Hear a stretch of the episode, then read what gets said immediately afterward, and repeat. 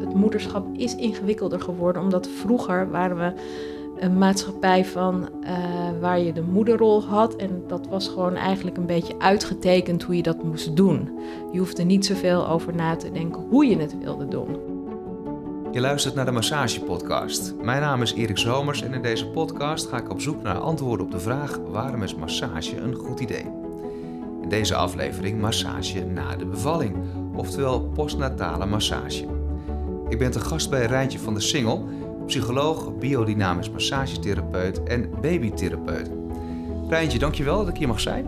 Ja, welkom. Dankjewel. Je richt je met je massage en coaching op zwangere vrouwen en vrouwen die al bevallen zijn. Klopt. In de podcast eh, Massage tijdens de zwangerschap bespreken we waarom massage tijdens de zwangerschap een goed idee is. Mhm. En nu richten we ons vooral op de fase na de bevalling. Ja. Waarom is postnatale massage een goed idee? Postnatale massage is een goed idee, omdat uh, als je een kindje hebt gekregen, is dat best wel intensief. Uh, het is fysiek intensief, het is mentaal uh, intensief. Dus als je voor een massage komt, heb je vaak klachten. Wat ik heel veel zie is nek- en schouderklachten. Dus vaak eigenlijk erger dan tijdens de zwangerschap, dat dat vastzit van al het voeden en van alle tillen. En uh, nou, dat is gewoon heel fijn als dat uh, kan uh, verminderen door, door een massage. En, um, en, natuurlijk als je net een kindje hebt, dan moet je de hele tijd zorgen voor het kindje. Het kindje heeft allerlei behoeften. Jij moet vaak je eigen behoeften uitstellen. En dan is het ook heel fijn als je een uurtje voor jezelf plant, waar het even helemaal om jou draait en om jouw behoeften draait. En als je dat hebt ervaren en uh, door de massage weer wat dichter bij jezelf bent en dat er tijd en ruimte voor jou is geweest, uh, dan is het eigenlijk een beetje hetzelfde als dat zuurstofmasker in het uh, vliegtuig. Hè, van dat je altijd eerst bij jezelf dat masker op moet doen voor het kind. Dat is als jij opgeladen bent, als jij dicht bij jezelf bent, dan is het ook makkelijker om weer voor je baby te zorgen. Is postnatale massage een logisch vervolg op de massage tijdens de zwangerschap? Of hoort dat heel erg bij elkaar? Of, of juist niet? Hoe, hoe zie je dat? Um, wat ik zie is dat mensen zich makkelijker een zwangerschapsmassage gunnen. Dat is het idee van, weet je, van een zwangerschap mag je genieten en mag je jezelf zoiets cadeau geven. Terwijl ik eerlijk gezegd vaak vind dat vrouwen het nog beter kunnen gebruiken als ze eenmaal een kindje hebt. Omdat dat gewoon nog veel intensiever is dan, uh, dan zwanger zijn. Tenzij je natuurlijk al een paar andere kinderen hebt rondlopen. Maar uh, ja, vooral bij, bij zo'n eerste, dan uh, denk ik wel eens, gun jezelf dat. En wat ik vaak merk, is dat uh, als mensen een baby hebben, dat ze vaak in vicieuze cirkels terechtkomen met een baby. Van dat als bijvoorbeeld de baby niet goed slaapt, uh, dat ze dan daar heel erg mee bezig uh, gaan. Van hoe kan ik daarvoor zorgen dat ze slaapt, waardoor ze stress ervaren, waardoor ze meer stresshormonen aanmaken. waardoor ze eigenlijk gedurende de dag meer adrenaline aanmaken. En als ze dan in bed liggen, eigenlijk niet kunnen slapen, omdat ze al zoveel adrenaline, adrenaline hebben aangemaakt. En dan helpt massage letterlijk om uit die adrenaline-cirkel te komen. En uh, dan begeleid ik ze er ook een beetje bij van, ja, hoe, hoe kun je dat aanpakken van uh, als je kindje niet zo goed slaapt overdag. Of als je in een vicieuze cirkel bent gekomen met een huilbaby. Hè, van dan is het vaak zo dat uh, als er een huilbaby is, dan um, willen ouders daarmee dealen. Want ze willen niet dat hun kindje huilt. En dan hebben ze vaak beproefde methoden inmiddels gevonden. Maar dat wordt ook bijna een controle. Weet je wel, het kan alleen nog maar zo. En dat vinden ze dan heel moeilijk om los te laten. En het helpt. Ja, als ze die methode toepassen, huilt het kindje niet meer. Alleen ze worden doodmoe. Omdat ze het altijd maar moeten blijven herhalen. En op een gegeven moment kan het zijn dat het ze te veel wordt. Ja. En uh, dan probeer ik te kijken van hoe kun je er op een andere manier zijn uh, voor je kindje. Dat het zowel voor jou werkt als voor de baby. En daar helpt massage dus ook bij om hè, allereerst uit die adrenaline-cirkel te komen, eh, maar ook door het gesprek. Want je zou ehm, kunnen zeggen, het komt door die baby. Het hoort bij deze fase. Ehm, en ja, zolang dat niet over is, dan gaat het met mij ook niet, ga ik er niet beter op, uh, op slapen. Maar toch zeg je van, is er daadwerkelijk wel iets mogelijk in een massagebehandeling van vrouwen ja. Tijdens zo'n fase om dat te doorbreken? Waardoor, en wat is dan het effect bijvoorbeeld op de baby daarvan? Is daar dan effect op de nou, baby? Eigenlijk is het zo, ik weet niet of je die ervaring kent, dat hoor ik veel van vrouwen van nou, uh, dan, heb ik, uh, dan loop ik met mijn kindje en die huilt en dan geef ik het kindje aan iemand anders en dan valt hij in slaap. Waardoor komt dat? Dat komt omdat jij op dat moment zo moe bent dat je eigenlijk niet bij jezelf bent. Eigenlijk is je hele aandacht op die baby gericht. En dan voelt de baby jou niet. Een baby is in essentie, is die, uh, voelt die, ben ik veilig bij jou, bij jou? Ben jij een anker voor mij waarin ik me aan kan vasthouden? En als jij dus niet bij jezelf bent, ben je dat anker niet voor die baby. Dus um, daar probeer ik via uh, ademhaling, dat is echt een hele goede methode van om uh, vrouwen te leren om dieper uh, te ademhalen. Dan komen ze dichter bij zichzelf, gaan ze zich ontspannen, gaat de baby zich ontspannen. En daar zit de ruimte, zeg maar. En natuurlijk, een baby hebben blijft altijd heel erg vermoeiend. En het zal je altijd je slaap kosten. Maar de mate waarin, daar kun je wel uh, naar kijken en daar kun je wel verbetering in aanbrengen. Ja. Is dat de thematiek bij cliënten die bij jou komen als ze bevallen zijn, dat ze eigenlijk um, het contact met zichzelf verloren zijn, omdat alle aandacht volledig gericht is op de baby?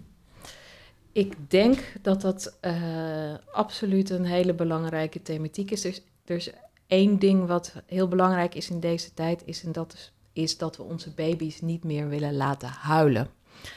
En uh, natuurlijk, alle behoeftes van een baby moeten vervuld worden.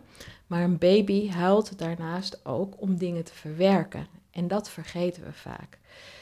En uh, dat betekent dus niet dat je een baby gewoon maar in een hoekje moet laten huilen. Nee, als hij huilt, dan moet je er wel zijn. Maar gewoon zijn. Je hoeft het niet altijd te stoppen. Tenminste, als het verwerkingshuilen is. Hè? Van, uh, als hij uh, honger heeft, dan moet hij gewoon de borst krijgen. Dus dat, dat is iets wat ik zie in onze generatie.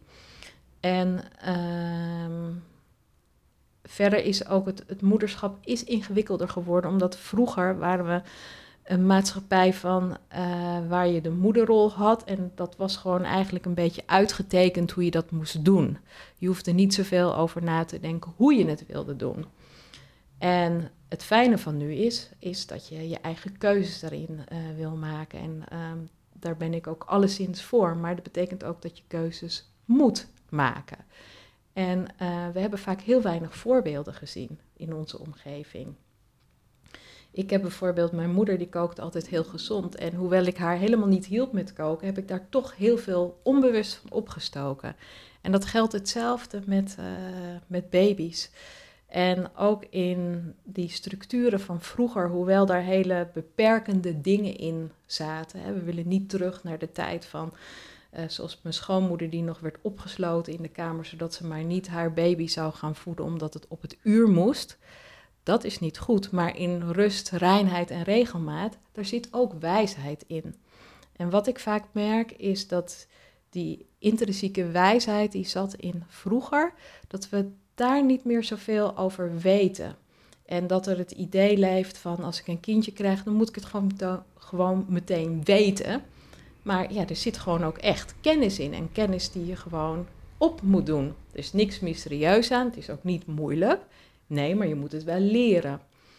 En dat vind ik soms wel apart van dat we denken we moeten doen voor alles een opleiding, een cursus en dat soort dingen. Maar ja, baby's die moeten we maar meteen snappen en vinden we, of ik merk dat vrouwen vaak heel veel eisen aan zichzelf stellen en weinig ruimte aan zichzelf geven, dat dat ook gewoon trial and error is. Ja, ja. Van dit proberen werkt dit? Nee, werkt niet, moeten we wat anders proberen. ja, en ondertussen is dat niet altijd fijn voor je baby, maar dat is het leven. En die dwang om meteen vanaf het allereerste moment de goede moeder te willen zijn, ehm, die voel jij hier op tafel dan? Ja. En Ja. hoe uitzicht dat? Hoe uitzicht dat eh, tijdens de massage, wat Ja. ik merk in het lichaam? Ehm, ja, toch met name in eh, het ademhalen, dat dat hoog zit. En eh, ik merk het aan de spierspanning. Ik merk het aan de vochthuishouding soms. Eh, van het vast, vasthouden, eh, zeg maar. Dus door te masseren maak ik dat ook los en ja, krijgen vrouwen daar eh, soms inzicht in ehm, hoe ze daarmee bezig zijn. En het helpt ook gewoon letterlijk om te ontspannen en minder stress te hebben, waardoor je gewoon en beter slaapt, waardoor je het gewoon beter, allemaal beter aan kunt. Ook daarnaast. In het begin van eh, deze podcast zei je dat eh, eh, massage tijdens de zwangerschap ja, gebruikelijker is, populairder is, misschien een trend. Mhm. Maar dat je eigenlijk ervaart of vindt dat het misschien wel na de bevalling wel nog meer nodig is. Ja. Hoe is dat met de vaders? Waar zitten die in dit verhaal? Ja, dat is een hele goede vraag, Erik. Want ik denk dat vaders een heel erg belangrijke rol hebben. En dat eigenlijk eh, vaders te weinig een rol krijgen. En ik heb wel, ik heb een aantal vaders eh, gehad. En wat ik merkte, is, is dat vrouwen, eh, waar ze vaak over klagen, is dat hun vrouw hen niet genoeg ruimte geven om het wiel uit te vinden met hun baby. En zij willen het gewoon anders doen, omdat ze anders zijn. En vrouwen die willen heel graag dat hun baby altijd gelukkig is. Zij zijn vaak door het voeden en door het zwangerschapsverlof vaak veel meer uren met de baby. Dus eh, ze hebben een soort van wiel uitgevonden wat bij hun baby werkt. En dan willen ze graag dat de vader dat doet. Het is alleen niet hun wiel. En daar zie ik vaak eh, conflicten over eh, ontstaan. En ehm, ja, dus daar heb ik een aantal vaders bij begeleid van hoe kunnen zij zorgen dat zij hun ruimte eh, krijgen die ze verdienen in het eh, vaderschap. En daar heeft eh, natuurlijk de baby heeft daar gewoon het meeste baat bij. Ook al kan het op korte termijn zijn dat de baby misschien meer ongemak heeft, op de lange termijn ja, zorgt het natuurlijk voor veel meer binding tussen, tussen kind en de vader. En het is voor elk mens prettig hoe meer bindingen die heeft, hoe fijner dat is. En ehm, behandel je de vader dan vanuit jouw eh, psychologieachtergrond of vanuit de massagetherapie? Alle twee. Maar ehm, ik denk iets meer vanuit, eh, vanuit de psychologie. Ehm, ik merk wel dat, dat als ik vaders masseer, eh, dat ze dan wel komen in van, oh, weet je, zo ontspannen kan ik ook zijn. En zich dat vaak herinneren vanuit hun jeugd. En daardoor weer een soort connectie kunnen maken met hun kind. Dat, eh, dat ervaar ik wel eh, regelmatig eh, met vaders. Maar heel veel vaders denken ook met massage wel heel erg functioneel. En maken daar niet zo'n koppeling in van... hé, hey, zit er misschien een link van tussen... Hè, hoe ik aangeraakt ben bijvoorbeeld als baby... en hoe ik mijn baby nu aanraak. Ja. Dat bewustzijn is er wel iets meer bij vrouwen, zou ik zeggen. Of hoe voelt het als ik aangeraakt word en ik nu mijn baby aanraak? Ja, Als we het daar toch over hebben, het aanraken Ja. van je baby. ja. Wat zegt dat over het aanraken van jezelf? Hoe, hoe belangrijk is het ehm, dat je je baby bewust aanraakt? Voor jezelf. Voor jezelf. Ehm, ik, dat je als je bewust aanraakt en dat je ook op dat moment bij jezelf bent, hè, van die, die combinatie, eh, die maakt eh, dat je allerlei hormonen aanmaakt, waardoor je de binding, meer binding krijgt eh, met je baby. Want het is zo, als je in stress bent, dan ben je heel erg op de buitenwereld gericht. En dan worden eigenlijk de hormonen van binding, die worden eigenlijk gestopt op dat moment, omdat je het moet redden in die buitenwereld. Dus daarom is massage ook zo belangrijk en ontspanning zo belangrijk uh, voor uh, moeders en vaders die een baby hebben. Omdat als je meer ontspannen bent en meer met jezelf, kun je je meer hechten aan je baby. Omdat je gewoon meer ruimte hebt daarvoor. En je letterlijk je lichaam die hormonen aanmaakt die je daarvoor nodig hebt. Om die binding aan te gaan. Ja, het knuffelhormoon. Ja, oxytocine, serotonine.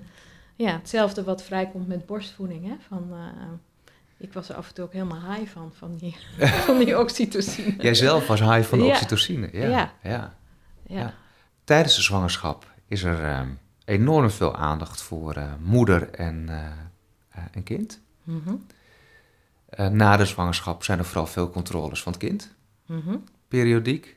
Ehm, waar zit de aandacht voor, eh, eh, voor de moeder binnen de zorg? En eh, werk jij daarin ook samen met andere zorgprofessionals?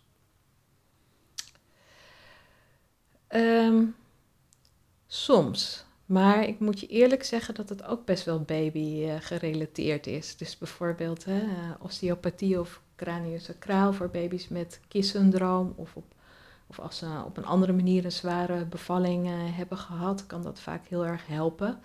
En dat helpt natuurlijk indirect de moeder, want als de baby minder huilt, dan komt de moeder ook hè, meer tot rust en eh, kan ze meer genieten van haar baby. Dus in die zin is het een hulp. Ehm, en het is wel mijn wens eigenlijk om, eh, maar daarin ben ik nog zoekende, om een cursus te geven voor moeders na de zwangerschap. Eigenlijk om deze reden van eh, welke, eh, welke ondersteuning kunnen moeders nou gebruiken als eenmaal dat kind er is. Behandel je ook dames met een postnatale depressie? Ik behandel soms dames met postnatale depressie, maar eigenlijk alleen als ze daarbij ook andere ondersteuning nog hebben. Wat vaak in de vorm is van de poppolie, die aan ziekenhuizen verbonden is. Waar ze onder controle staan van uh, psychiaters en vaak ook medicatie krijgen. En sommige vrouwen vinden het dan ook fijn om ook gemasseerd te worden. En uh, om gewoon dichter te komen bij hun lichaam en uh, ontspanning te voelen in uh, een zware tijd. En ook onder, ondersteuning te vinden in. ehm, ik ben depressief, maar dat is niet. Vaak voelen vrouwen zich daar heel erg schuldig over. Omdat ze voelen dat ze er niet genoeg voor hun kindje kunnen zijn. En daarin kan ik ze ook heel concreet uh, ondersteunen. En, maar in het algemeen kun je zeggen, ook zwangerschapspsychose doe ik ook niet. Dus eigenlijk alle psychiatrische beelden kan ik erbij doen als vrouwen ook uh, bij de psychiater ondersteuning voelen. Maar alle andere soort dingen die mensen tegenkomen als ze een kindje hebben gekregen. Uh, daarvoor kunnen ze wel bij me komen. Van, uh, ik denk bijvoorbeeld aan een cliëntie die bij me kwam. Die toen ze zes maanden zwanger was, toen moest ze naar het ziekenhuis. want het ging niet goed met haar kindje. En ze moest daar twee weken plat liggen, waarbij het steeds heel erg de vraag was of de baby het zou overleven. En toen moest het kind echt gehaald worden, want anders dan zou het het zeker niet redden moest vervolgens nog vier maanden lang in het ziekenhuis blijven. Dus dat was echt een heel zwaar proces uh, voor haar. En langzamerhand ging het eigenlijk steeds beter. En uh, toen werd het kindje een jaar en was het een groot feest voor iedereen. Het kind was nu echt helemaal gezond. En daarna ging het opeens bergafwaarts met haar. Ja, kon ze niet meer stoppen met huilen en merkte ze, ja, ik, ik ben er geweest voor mijn kind en ik ben er helemaal voor gegaan, maar ik heb het niet verwerkt. Ik, ik moet iets voor mezelf. Dus zij, zij kwam bij mij. Dus zij kon bij mij haar verhaal vertellen. En wat soms het voordeel is van iemand die niet in jouw omgeving is, is uh, dat ze bijvoorbeeld bij mij haar schuldgevoelens uh, kwijt kon, die je misschien niet zo makkelijk zegt tegen je omgeving.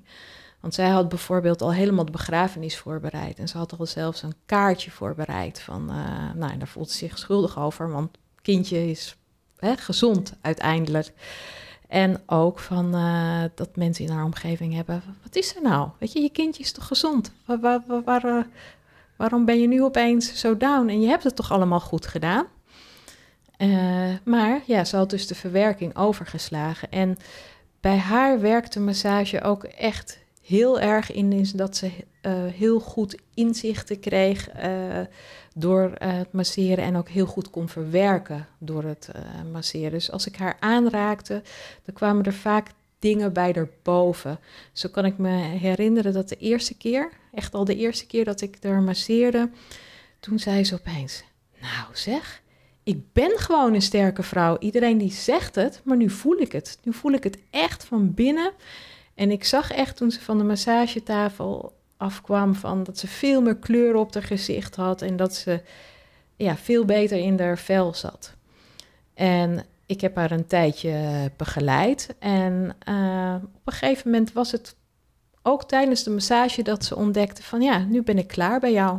Dit is de laatste sessie, hierna kan ik naar huis en heb ik het gewoon voldoende verwerkt.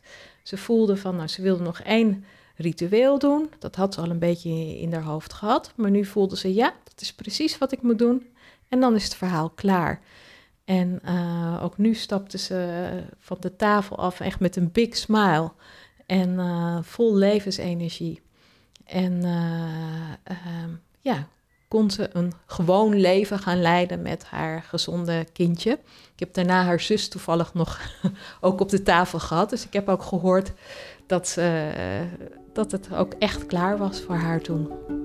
Dat lijkt me dan ook weer heel fijn om te horen. Ja, klopt. Ja. Rijntje, dankjewel voor dit gesprek. Graag gedaan. Tot zover deze aflevering van de Massage Podcast. Meer informatie over dit onderwerp vind je terug op de website massagehelpt.nl. Daar kun je dit gesprek behalve horen ook lezen. En als je wilt kun je hier ook reageren. Heb je vragen, een goed idee voor een onderwerp of wil je zelf een keer meewerken aan de Massage Podcast? Dan hoor ik dat natuurlijk graag van je. Alle informatie en contactgegevens vind je op de website massagehelpt.nl. Voor nu, dank voor het luisteren en veel plezier met een volgende aflevering van de Massage Podcast.